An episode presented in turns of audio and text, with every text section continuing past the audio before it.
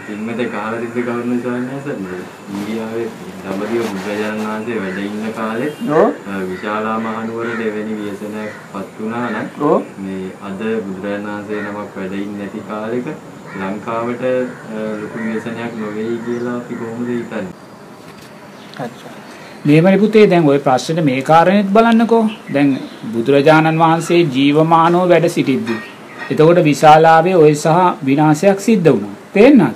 එතකොට විශාලාවේ ඔය සහ විනාශයක් සිද්ධ වෙද්දි මාත්‍ර විශාලාව කියන්නේ දූපතක් නෙමෙයිනේ. එහෙම. මුහුදෙන් වට වුණා වූ දූපතක් නෙමෙයි. මේ ගොඩබිමත් එක්ක මුළු සමස්ත ඉන්දියාවත් එක්ක සම්බන්ධ වෙච්ච භූමිකඩක්. තේරෙනවද? නමුත් මහත්තයෝ ඔය සා විශාල විනාශයක් වෙද්දී ඒ මේ- මේ ගොඩබිම තීරය තුලින් අනිත් මුළු රටම විවෘතව තිබ්බෙත් විශාලාවෙන් බාහිර රෝගේ පැතිරලා ගියේ. නැහැ. විශාලාව පමණයි ඒකට ගොදුරු උනේ. එහෙනම් බලන්නකෝ මහත්තයෝ විශාලාව පමණක් ඒකට ගොදුරු උනේ ඇයි කියලා ඔබ මගෙන් ඇහුවොත් මං කියන්නේ ඒක බුදුරජාණන් වහන්සේගේ ශක්තිය නිසා. මයි. ධර්ම රත්නේ ශක්තිය මයි. සංඝ රත්නේ ශක්තිය මයි.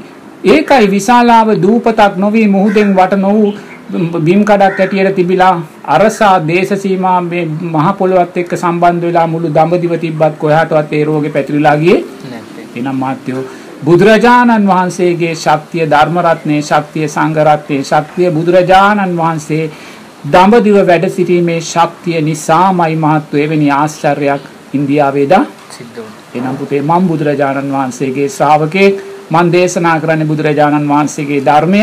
ඒ නිසා පුතේ බුදුරජාණන් වහන්සේගේ ශ්‍රාවකීන් හැටියට අපිට සත්‍යක්‍රියා කිරීමට ශක්තිය තිබිය යුතුයි පුතේ. ඉන්දියාව මොන විනාශයක් වුණත් අපේ රටේ විනාශය සිද්ධ වෙන්නේ නැහැ බුදුරජාණන් වහන්සේ කොතනකවත් අපිට දේශනා කරන්නේ නැහැ අප මේ කර්මයට යට වෙන්න කියලා අකුසලයට යට වෙන්න කියලා බුදුරජාණන් වහන්සේ අපිට දේශනා කරන්නේ නැහැ තේරෙනවද හැම වෙලාවම අකුසලයක් විපාකයට එනවා නම් බුදුරජාණන් වහන්සේ කියන්නේ කුසලයේ තුලින් ඒ අකුසලයේ යටපත් කරගෙන නැගී හිටින්නේ. තේරෙනවද? එහෙනම් දරුවෝ අකුසලයක් විපාකයට එනවා කොරෝනා අකුසලයේ කියන වචනේ මම නිරතුරුව භාවිතා කරන්නේ නේද? ඒතකොට මේ අකුසලයක් විපාකයට එන්නේ. ඒතකොට මේ අකුසලයේ විපාකයේදී දරුවෝ බුදුරජාණන් වහන්සේගේ ශ්‍රාවකයන් හැටියට අපිට ජනතාව තුළ බිය සකස් වෙලා හිත අපේ රට විනාශ වෙනවා කියන කාරණේ සකස් කරලා ජනතාව බියටපත් කළොත් මහත්යෝ ඒ බිය නිසාම නැති අකුසල් තව තව අපි තුල ශක්තිමත් වෙනවා. තේන්න? නැති අකුසල් තව තව අපි ශක්තිමත් ඒ නිසා අපි බුදුරජාණන් වහන්සේගේ ශ්‍රාවකයන් හැටියට අපිට කරන්න තියෙන්නේ ජනතාව තුල කුසලයේ ශක්තිමත් වෙන වැඩ පිළිවෙල මතු කරලා දෙන්න. තේන්න? ජනතාව තුල කුසලයේ ශක්තිමත් වෙන වැඩ මොකද බුදුරජාණන් වහන්සේ පිරිනිවන් පෑවා. ඉතින් අවුරුදු 80 වගේ වෙනකොට බුදුරජාණන් වහන්සේ පිරිනිවන් පෑවා. ඒ පිරිනිවන් පාන්න මොහොතකට පෙර ආතුව උන්වහන්සේ බලවත් වූ රෝගාබාධයන්ට ලක් වුණා. තේන්න? ඒ වගේම ඉතින් බුදුරජාණන් වහන්සේටත් ගල් පෙරළුවා බුදුරජාණන් වහන්සේගේ ජීවිතය නැති කරන්න උත්සාහ කළා. ඒ නිසාම දේවදත්තත් හාමුදුරුවෝ අවීචිමානිරයට වැටුණා. ඒතකොට මේ සෑම දෙයක්ම පෙර සංස්කාරයන් කියලා බුදුරජාණන් වහන්සේ දේශනා කරන්නේ. නමුත් මහත්වෝ ඒ සංස්කාරයන් ජීවිතේ පසුපසේ ලෝකනාවත් අපිට කොතනකවත් බුදුරජාණන් වහන්සේ ඒ සංස්කාරයන්ට යට වෙලා අකුසලයට ජීවිතය දෙන්න අකුසලයට රට බාර දෙන්න කියලා අපිට කියන්නේ නැහැ. තේරෙනවද? එහෙමයි ඉතින් බුදුරජාණන් වහන්සේගේ ශ්‍රාවකයන් වෙන අපෙන් වැඩක් නැහැ නේද?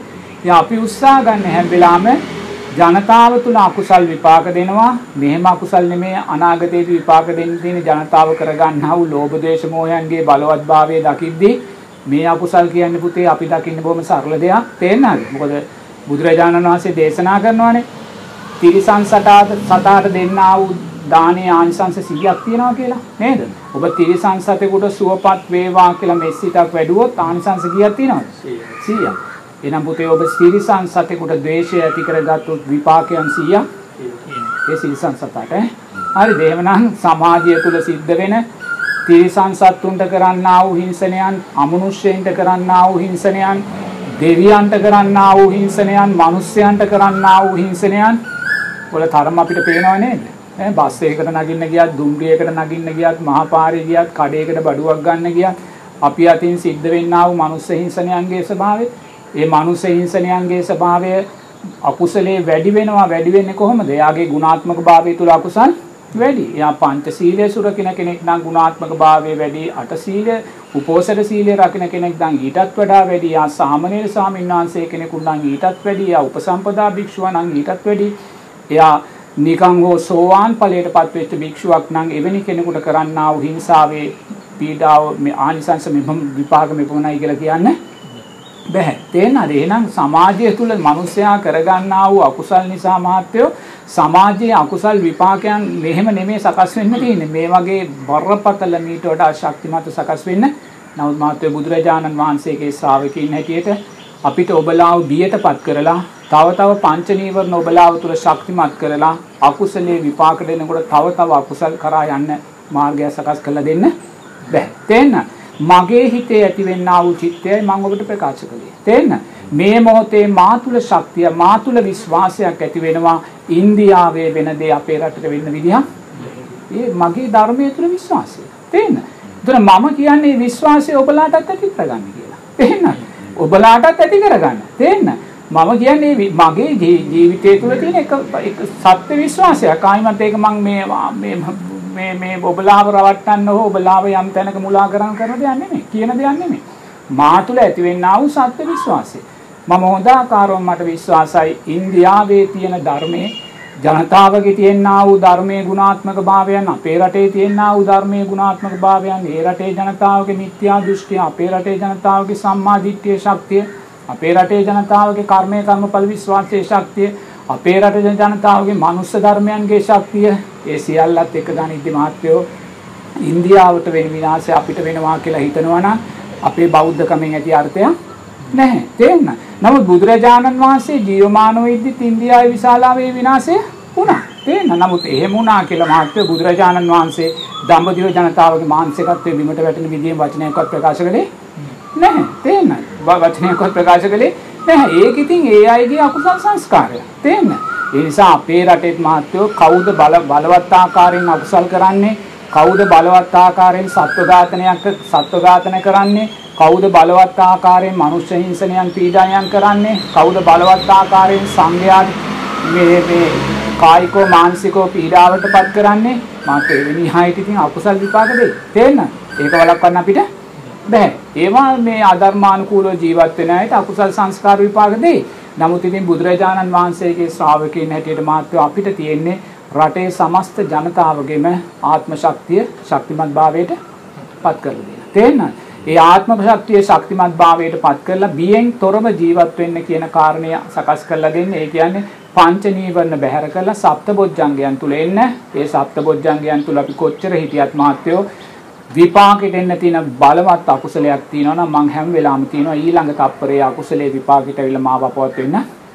නමුත් ඒ අපවත් වෙන මොහොත දක්වා මාත්‍යෝ අපි දක්ෂ වෙන්න ඕනේ ධර්මයේ ශක්තිය ජීවිතේට එකතු කරගන්න. එහෙම නැතුව අපි අර මේ මානසිකව වැටිලා අනේ බුදුරජාණන් වහන්සේගේ ජීවමානව හිටිය කාලේ විශාලාව මෙහෙම විනාශයක් වුණා අනේ දෙයනේ අද කොහොමද අපි බේරෙන්නේ කියලා අපි මානසිකව වැටුනොත් මහත්ව අපි කොතනද ඉන්නේ ඈ නැති විස බීජත් ඇවිල්ලා අපේ ඇඟට රින්ග ඒවත් එක සටන් කරන්න අපේ ඇඟේ ප්‍රතිශක්තියකුත් නැහැයි අපි ආයුෂ වර්ණයේ සැපේ බලයෙන් මහත්ව උමනාවෙන් පිළිහිමටපත් වෙලයි ජීවත් වෙන්නේ තේන්න ඒ නිසා පංච උපාදානස්කන්ධ ලෝකය කියන්නේ කැඩෙනවා බිඳෙනවා විසිරෙනවා කියන අර්ථය. ආයිමත් ඒකට අර්ථ දෙකක් නැහැ. ලෝකයේ අර්ථය තමයි කැඩෙනවා බිඳෙනවා විසිරෙනවා. කුමද්ද ලෝකය කියන්නේ? රූපය නිරතුරුවම කැඩෙමින් බිඳෙමින් විසිරෙමින් පවතිනවා. වේදනාව නිරතුරුවම කැඩෙමින් බිඳෙමින් විසිරෙමින් පවතිනවා. හඳුනා ගැනීම සංස්කාරයෝ විඥානයෝ සෑම ධර්මතාවයක්ම නිරතුරුව කැඩෙමින් බිඳෙමින් විසිරෙමින් පවතිනවා. තේන්න? ඒ ඉතින් ලෝකයේ ස්වභාවය. ඔයිට වඩා අර්ථයක් ලෝකේට නැහැ. නමුත් ඒ කැඩෙමින් බිඳෙමින් විසිරෙන ලෝකයේ තුල මාත්‍යෝ අපි ඒ ලෝකය අවබෝධ කරගන්න නම් අපිට සප්ත බොජ්ජංගයන් වැඩුණා වූ හිතක් තියෙන්න ඕනේ. තේන්න? සප්ත බොජ්ජංගයන් වැඩුණා වූ හිතක් අපිට තියෙන්න එහෙනම් මාත්‍යෝ අපි මේ බණ කියන්නේ මුලින්ම ලෝකය හඳුනා ගන්න නෙමෙයි. ඒ අවබෝධ කරගන්න නෙමෙයි. ලෝකය හඳුනා ගන්න. තේන්න? ලෝකය හඳුනා ගන්න නම් මහත්ව අර බියෙන් තොර වෙලා නිරතුරුවම අර පංච නීවරණයන් තුනේ වුණා වූ සප්ත බොජ්ජංගයන් වැඩෙන හිතක් බවට ඒ හිතපත් වෙන්න. ඒ නිසා අපි කරන්නේ ජනතාව තුළ ඒ විශ්වාසය ඇති කරලා දෙන්න. තේන්න? ධර්මයේ විශ්වාසයෙන් ඔබ ජීවත් වෙන්න. බුදුරජාණන් වහන්සේ අපිට එහෙමනේ කියන්න කියලා තියෙනවා. තේන්න? මොනසා විනාශයක් ආවත් ඔබ ධර්මයේ විශ්වාසය තුළ ජීවත් වෙන්න. ඔබ ධර්මයේ ජීවිතයට එකතු කරගෙන එකතු කරගත්තා වූ ධර්මයේ විශ්වාසය තුළ ඔබ ජීවත් වෙන්න කියලා. තේන්න? ඉතින් ඒක අපිට තියෙන ජනතාවෙතෙන්ට පෙළ ගස්සන්න. ඉතින් ඒ පෙළ ගස්සන තැනදී මාත්‍යෝ බලවත් අකුසල් විපාකෙට එන්න තියෙනවා නම් ඒ බලවත් අකුසල් විසින් ඒවා අපි යටපත් කරાવી. නමුත් ඒ යටපත් කරන මොහොත දක්වා අපි ධර්මයේ කෙරේ විශ්වාසය තුල ඉන්න.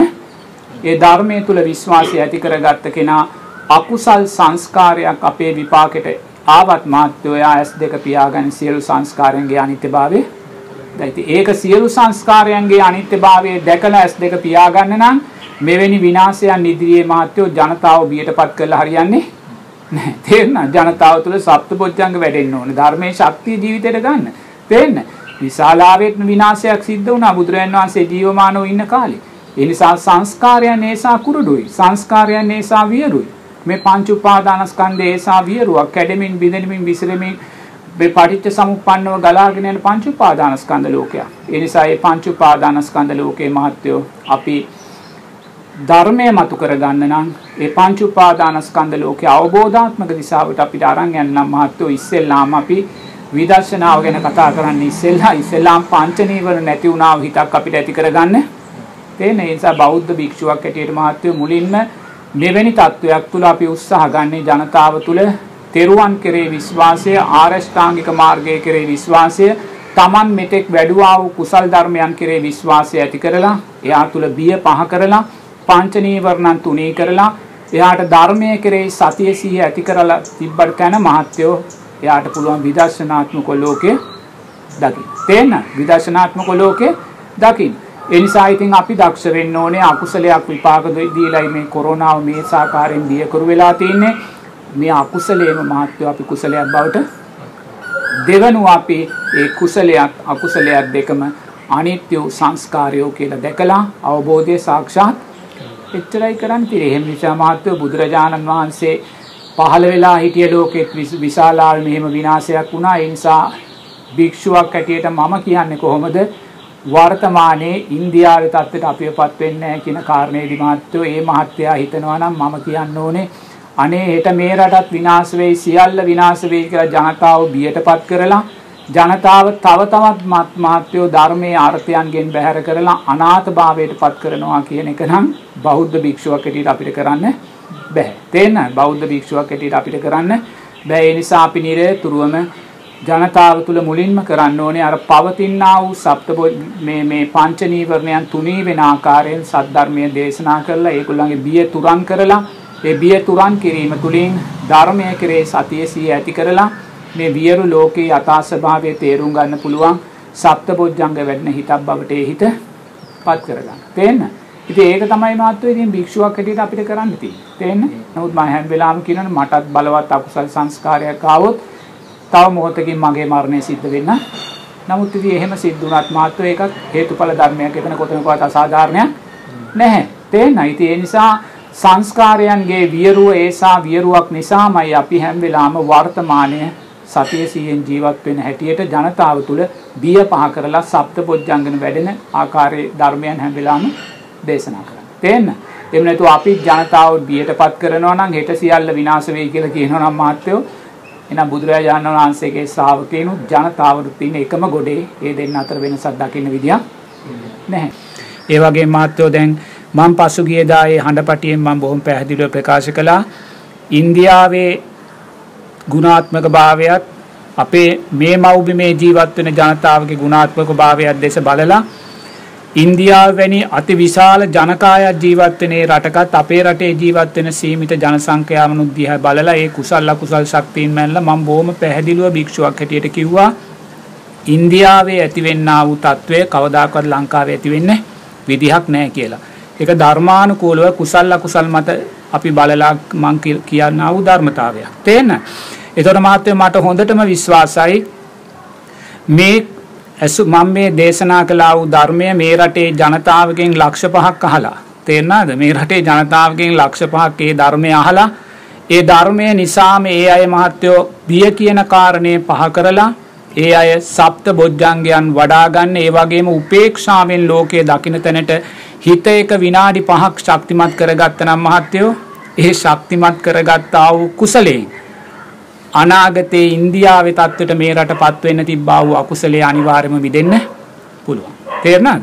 අනිවාර්යයෙන්ම මිදෙන්න පුළුවන්. එනා ඒ මහත්තයා බියක් ඇති කරගන්නවා. මේ පස්සේ නගෝ මහත්තයා බුදුරජාණන් වහන්සේ ජීවමානව හිටිය සමාජයේ වගේ දෙයක් වුණා නම් අපේ සමාජයේ එහෙම දෙයක් වෙන්න බෑ කියලා අරිඥාන හාමුදුරුවෝ කියන්නේ කොහොමද කියලා නේද? ඉතින් ඒ එහෙම වෙන්න තියෙන දේ තමයි පුතේ බුදුරජාණන් වහන්සේගේ ශ්‍රාවකීන් හැටියට අනිවාර්යයෙන්ම අපි මේ විදිය ධර්මයන් දේශනා කරලා ජනතාවගේ සිත කුසලයෙන් ශක්තිමත් නොකොළොත් ජනතාවගේ සිත් සතන් ආර්යෂ්ඨාංගික මාර්ගයෙන් ශක්තිමත් නොකොළොත් ජනතාව තුළ ශබ්ද බොජ්ජංගයන් වර්ධනය නොකොළොත් එහෙම නොකළා නම් මහත්වෝ අනිවාර්යයෙන්ම අනාගතයේ ඉන්දියාවේ තත්ත්වයට ලංකාවපත් තේරුණාද?